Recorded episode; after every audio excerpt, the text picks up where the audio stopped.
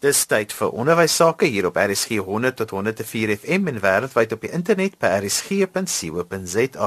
Jy kan ook na ons luister op DStv audiokanaal 813. Die program is ons in die onderwys saam met my Johan van Lille.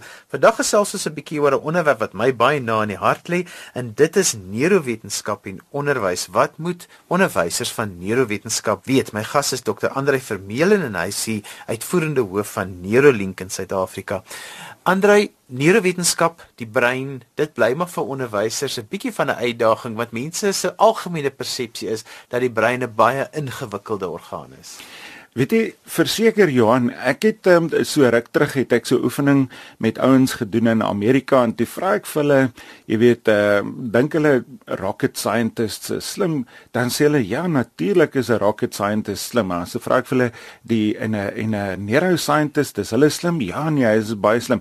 Vra ek vir hulle nou van die twee, wie dink jy is die slimste? Dan sê hulle sê o nee, die neuroscientist, want dis die neuroscientist wat eintlik nog die rocket scientist kan ondersteun en help. So die gedagte is ongelukkig baie keer dat dit so hoë en abstrakte en moeilike 'n eh, konsep is dat dit eintlik maar net nie vir die gewone ou nie, is eintlik net 'n ding vir die akademie. En weet jy Johan, wat ons moet verstaan, die die nuwe navorsing uh, van uh, van die neurowetenskappe maak sekere dinge vir ons soveel duideliker en ons kan die toepassingswaarde van neuroscience kan ons na die klaskamer toe vat, ons kan dit na die werksplek toe vat en ek as 'n individu wat myself net wil verbeter, is daar baie toepassings van die neurowetenskappe wat ek in my lewe kan toepas wat my kan help ontspan, meer effektief wees, uh, uh out think, out learn, out create wat my kan help om my breinkrag te optimaliseer. Ek onthou jare terug toe ek by my eerste kongres was juis oor neurowetenskap, toe die neurowetenskappers amper so bietjie gewees so hulle was bietjie stoomrollerig geweest, want hulle gedink ag ons sal nou vir die onderwysers 'n bietjie leer, maar neurowetenskap is nog so jong wetenskap teenoor ja onderwystegnieke is 'n paar honderd jaar oud en dit was ja. nog as die twee bymekaar kom is dit nie altyd so uh hulle is nie altyd so in pas met mekaar nie maar dit voel vir my of die laaste ruk of hulle mekaar se velde meer begin respekteer. Absoluut. Weet jy Johan reg oor die wêreld op die oomblik begin ons nou baie pertinente bewegings kry soos die neuroopvoedkunde, neurosielkunde. In Amerika praat ons geweldig baie van goed soos neurosales, neuroleadership. Nou die dag toe um, was ek baie uh, eers 'n bietjie verbaas toe praat hulle van the neuroscience of magic en toe ek nou met die persoon begin praat, dan gaan kyk hulle dit is maar uh, op uh, TV sal 'n mens baie keer is daar so reeks brain games en dan gaan dit nou maar eintlik oor ehm um, sekere hoe jou brein werk en uh, hoe dit maak dat 'n mens sekere goed waarneem. Toe kom ek agter eintlik gaan kyk hierdie ouens maar net hoe jou brein werk en dan is die sogenaamde magic van dinge is eintlik maar baie keer net oorverblindery maar om breinkennis te gebruik. Maar daai beginsel is baie belangrik. Alles wat ons doen word gebore uit die neurowetenskappe. En as jy gaan kyk na die World Economic Forum sê die 4de industriële revolusie is op ons voorstoep. Nou 'n revolusie is wanneer hoe ons leef gaan alles verander. En een van die faktore wat die 4de industriële revolusie tot stand gaan bring is onder andere die neurowetenskappe.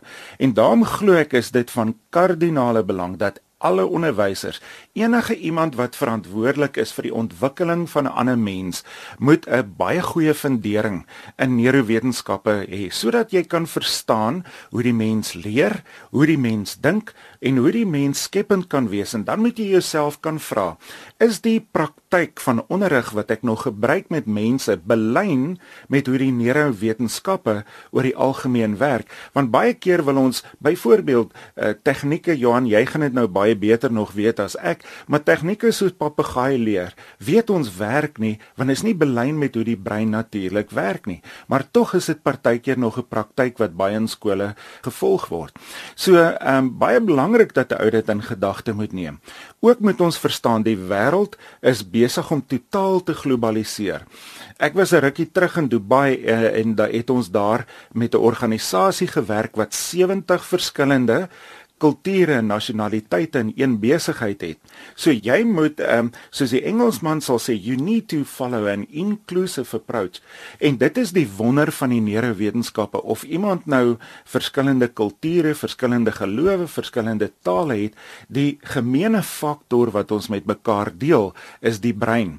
En ek het al soveel keer uh, het mense uh, sekere tipes onderwysbenaderings uh uh gekritiseer om te sê dit is 'n Europese benadering of is 'n Amerikaanse benadering, maar as jy 'n neurowetenskaplike benadering volg, dan is dit insluitend vir alle mense, alle rasse, alle geure en kleure en ek dink dit is waar 'n ou sou moes begin met die onderwys. Ja, ek dink een van die belangrikste goed wat neurowetenskap vir ons bevestig het is dat die brein maak nie saak wat die omgewing is nie. Die omgewing het altyd 'n invloed op die brein, maar die brein sal altyd gereed wees vir die omgewing waarin hy is. So mense is altyd so angstig oor die toekoms en sal my kinders reg wees vir die toekoms. Die omgewing bedraad die brein vir die vir dit wat hy moet wat hy moet oorkom. Absoluut. Die as 'n ou gaan kyk, die hooffunksie van jou brein behalwe om uh, liggaamlike funksies te reguleer, is een van die heel hooffunksies van jou brein is om jou te laat oorleef. En dit beteken dis die instrument waarmee ons toegerus is om die heeltyd by ons omgewing te kan aanpas. Maak nie saak hoe vinnig die wêreld verander nie, jou brein kan jou help om by jou omgewing aan te pas as jy bereid is om dit te wil gebruik en te wil aanpas. Andre, as jy 'n paar neurowetenskaplike bevindinge moet kies wat jy dink onderwysers en onderwysleiers moet van kennis neem, wat sal daardie wees en verduidelik vir ons 'n bietjie die relevantie? Weet jy Johan, ek dink eh, eh, iets wat oral in die wêreld baie belangrik is. Die wêreld inligting is besig om te ontplof. Kinders word net aan meer en meer al nee nee kinders nie, alle mense word net aan meer en meer inligting blootgestel. En daarom moet ons dus seker maak dat die brein fiks genoeg moet wees om te kan leer, te kan dink en skepend te kan wees. Ons word met potensiaal gebore, maar nie met vermoë nie. So jy het 'n brein, maar dan moet jy leer om jou breinfiksheid te kan verbeter. En breinfiksheid bestaan uit fisiese en mentale vas uh uh um vaar uh, aktiwiteite wat 'n mens kan kan doen om jou breinfiksheidsvlakke te verhoog sodat jy as 'n geheel brein uh persoon kan funksioneer. Ek glo dit is van die eerste goed wat 'n mens in gedagte moet neem. Die tweede ding is baie baie belangrik dat 'n mens vir jouself moet vra, is daar 'n beleining tussen wie ek is en wat ek doen? Beleining tussen die vakkeuses wat ek het en hoe ek natuurlik bedraad is en hou van om te leer. Jou brein is baie kragtig en hy kan enige iets leer. En dit gee vir ons die vermoë om enigiets te kan wees, maar ek glo ook dat Ons bedraad is om iemand baie spesifiek in die lewe te word. En uh, jy sal weet Johan, jy het sekere gawes en talente wat jy nou aanwend wat jou juis baie suksesvol maak. Ehm um, jy weet Mandela was baie suksesvol en Einstein was baie suksesvol. Maar Mandela sou nooit kon doen wat Einstein gedoen het nie en Einstein nie wat Mandela kon gedoen het nie. So daar moet beleining wees uh tussen jou neuro die uh, ontwerp en dan dit wat jy eendag gaan doen. En daarom is dit baie belangrik dat 'n mens moet 'n akkurate verstaan hê van wat is die name van die gawes en die kwaliteite wat in my is. So daar's hierdie twee fasette. Daar's drywers wat 'n mens se breinkrag kan beïnvloed en optimaliseer waarvan ons baie bewus moet wees soos breinfiksheidaktiwiteite, maar ook goed soos slaap en jou dieet en jou ingesteldheid en die vaardighede wat jy het en die impak eh, ons noem dit baie keer breinergonomika die impak van die omgewing. Maar dan is daar die tweede kategorie van faktore wat ons beïnvloed wat sê my neuroontwerp lyk like so en dit bestaan ook uit verskillende faktore. En as daar een ding is wat vir my by neuroontwerp baie uitstaan wat mense nie bewus is van nie, maar wat 'n baie groot impak het op ons prestasie, is dit die impak van die unieke brein, oog, oor en handdominansie patrone van leerders en hoe dit hulle leervermoë en hulle prestasie kan beïnvloed want ons sien selfs in die werksplek later dat sekere van hierdie informasieproseseringsstyle kan maak dat 'n ou onder druk baie groot foute kan maak met ander woorde soos ons nou in Engels sou sou praat van human error is daar mense wat baie foute kan maak wat baie seer kan kry. Dit kan selfs uh fatalities uh ekskuus, daar het ek nou net die woord verloor, maar dit kan maak dat mense hulle lewe verloor uh as jy nie bewus is van hierdie goed nie en ek dink is baie belangrik dat onderwysers van hierdie faktore bewus moet wees. Jy luister na RSG 100 tot 104 FM en wêreldwyd op die internet by rsg.co.za en DStv audiokanaal 813. Die program is ons in die onderwys saam met my Johan van Lille. Ons gesels vandag oor neurowetenskap en onderwys. My gas is Dr. Andre Vermeulen van die organisasie Neurolink. Andre, jy het net 'n woord gebruik informasieprosesseringsstyle. Verduidelik vir ons 'n bietjie meer wat dit is uh, mense uh, ons het almal uh, jy weet uh, soos wat ons uh, uh, luisteraars nou na ons sit en luister kan al net so oefening uh, oefeningkie doen om na een of ander objek te kyk dan kan hulle hulle hande reguit maak en so gaatjie tussen die twee duime. Dan kyk hulle deur hierdie gaatjie in hulle hande na uh, die objek en terwyl hulle dit doen kan hulle eers die linker oog toemaak dan weer oop en dan die regter oog toemaak en dan weer oop Nou wat wat wat ons luisteraars nou sou beleef het is met die een oog kon ek dit nog sien en toe ek die ander oog toemaak, toe spring die die objek heeltemal uit my veld van sig uit. So hulle het eintlik nou net beleef wat is dominansie. En binne konteks van die neurowetenskappe beteken dominansie nie die sterkste nie, maar die brein, oog, oor of hand wat die leidende rol neem. Dis wat jou dominante hemisfere uh, en jou oë is. Nou jou oë is die enigste deel van jou brein wat sigbaar is. So jou oë wys vir jou dus dat al kyk ek na jou Johan met al twee oë, gaan een oog die leidende rol neem en een gaan die passiewe rol nie uh, uh, volg. En dit beïnvloed dus hoe ons dink en leer en inligting prosesseer. So al is ek 'n geheelbrein mens en ek gebruik my hele brein, is daar een breinhemisfeer wat die leiding neem in 'n uh, probleemoplossingssituasie of in 'n denksituasie en dan is die ander een wat die passiewe rol neem. So is dit met jou oë en so is dit met jou ore. Soms as 'n mens bietjie sagter praat, dan sal jy sien iemand draai sy kop na jou toe, daar's 'n sekere oor wat hy na jou toe draai, dan wys hy vir jou watter oor is dit wat die leiding neem om inligting aktief te prosesseer. Nou, wanneer 'n mens stres, in die prentjie inbring. Stres vanuit 'n neurologiese perspektief beteken om af te skakel. Dit beteken na sekere biochemiese prosesse wat gebeur, jou brein stel 'n 'n eh, ehm, 'n chemikalie vry wat ons noem kortisol wat die nie-dominante hemisfeer laat afskakel.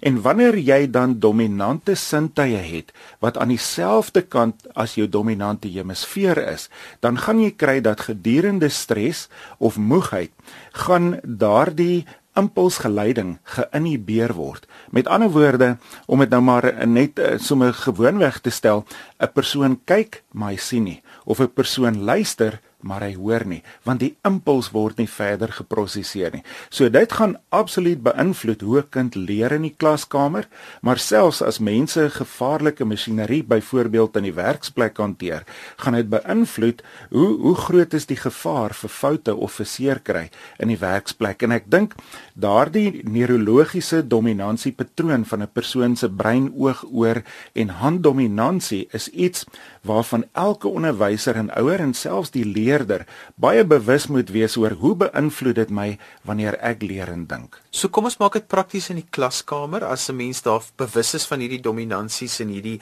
ehm um, informasieprosesseringsstyle, hoe ja. kan dit 'n verskil maak in die klas? Wel in die, in die klas uh, dink ek is daar baie brein uh, as ek as 'n onderwyser bewus is hiervan is daar breinfiksheidaktiwiteite wat ek kan doen met kinders om byvoorbeeld seker te maak dat ons die afskakelingsproses kan uh, verhoed dat dit plaasvind. Dan maak dit nie saak waar inligting inkom nie. Ek, ek sal daai inligting effektief prosesseer. Maar dit is baie belangrik dat die leerder moet verstaan dat as hy 'n baie sterk soos in my geval het ek 'n ek het oor 'n 50% visuele voorkeur vir inligting wat ek prosesseer. So as ek iets kan sien, dan leer ek. Maar luister is maar 10% voorkeur vir my. So ek is nie 'n goeie luisteraar in die klas nie. So as ons in 'n klas sit waar en nou vat ek maar hoe skool vir my was, maar my onderwyser lees net uit die handboek uit, dan verloor hy my heeltemal want luister was nou nie my ding gewees nie. So ek dink is baie belangrik dat onderwysers 'n geheelbrein benadering moet volg in die klaskamer deur 'n visuele, auditiewe en kinestetiese benadering en hoe hulle hulle vak aanbied. Ehm um, want dan maak dit nie saak, dan gaan jy akkommoderend en ins uh, soos die Engelsman sal sê inclusive optree in jou klas en dan maak dit nie saak wat die leer leerder se leerstyle is nie, hy gaan dit kan prosesseer. Maar dis baie belangrik dat ouers ook moet verstaan hoe hulle kind inligting prosesseer sodat hulle die kind kan help om ingeligte besluite in die toekoms te kan neem oor vakke en beroepe ook. Want dit is baie interessant as 'n mens um, onder druk kom en jy moet 'n klomp werk met jou leerders doen, ja. dan val 'n mens nogal baie keer terug op die informasieprosesseringsstyl wat vir jou die Absoluut. die maklikste kom. Absoluut. En weet jy Johan, nou nou het ons al 'n bietjie navorsing daaroor gedoen, dan vind ons dat meeste van ons onderwysers het hoofsaaklik 'n meer linkerbrein verbale uh gedetailleerde benadering tot goed.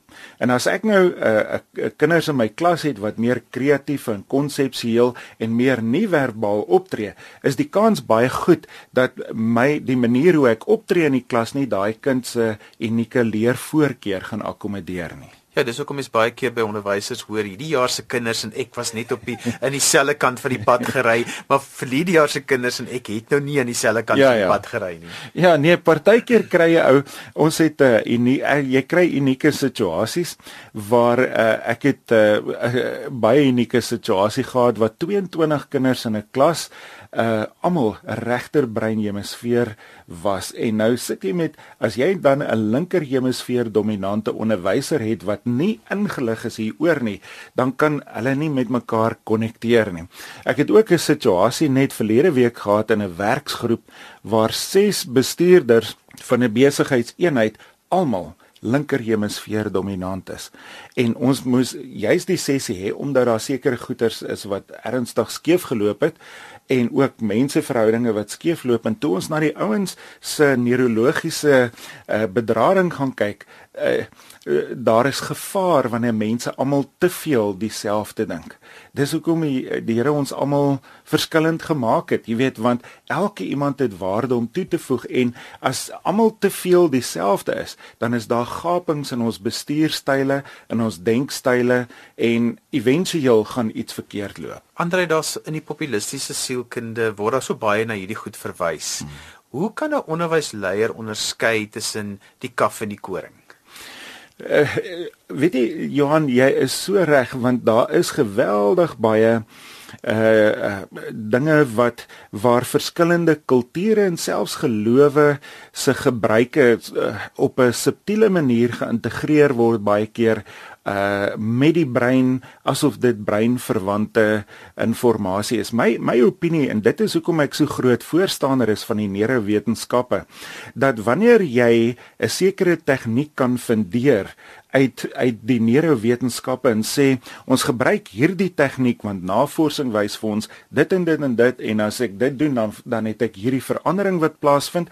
Dan jy, jy weet dan is dit 'n gefundeerde proses. Dit is wetenskap wat werk. So ek glo baie sterk dat die wetenskap uh, help ons om die kaf van die koring te sny. En as dit nie wetenskaplik gefundeerd is nie dan dan weet ek nie altyd uh, of 'n ou dit moet gebruik nie. Nou dit bygesê die wetenskappe verstaan ook nog nie alles nie. So ek glo partykeer moet 'n ou 'n gut feeling ook hê. Baie van ons onderwysers weet ek het instinktief al jare terug dinge gedoen wat ons nou eers besef hoekom werk dit, maar instinktief was hulle reg. Maar jy weet uh, erns tussen die die die jou jou instinkte wat jou uh, jou gevoel vir jou sê saam met die vaardighede en die ervaring wat jy het, moet jy vir jouself kan onderskei. Maar vir my is dit belangrik dat daar altyd fundering uit die die neurowetenskappe moet wees dan s'ek baie gemaklik dat dit werklik 'n gefundeerde tegniek is wat 'n sekere resultaat vir jou kan gee en uh, dan is ek gemaklik om dit te gebruik. Andre, as mense 'n bietjie verder met jou wil gesels oor neurowetenskap by die onderwys, hoe kan hulle met jou kontak maak? Hulle is baie welkom om ons uh, webtuiste te besoek, uh, Neurolink en E U R O L I N K uh, .company Ehm um, dis ons webblad en dan ons uh, hulle kan my ook kontak by info@nerolink en e u r o l i n k .co.za en ons deel graag wat ons ook al kan met ons luisteraars. Dis en alwaar vir ons tyd het vandag. Ons het vandag bietjie gesels oor neurowetenskap en onderwys. My gas was Dr. Andre Vermeulen van die organisasie Neurolink. Onthou jy kan weer na vandag se program luister as 'n potgooi. Laai dit af by rsg.co.za. Skryf gerus vir my e-pos by Johan@wwd.co.za. Dan groet ek dan vir vandag tot volgende Sondag van my Johan van Lille. Totsiens.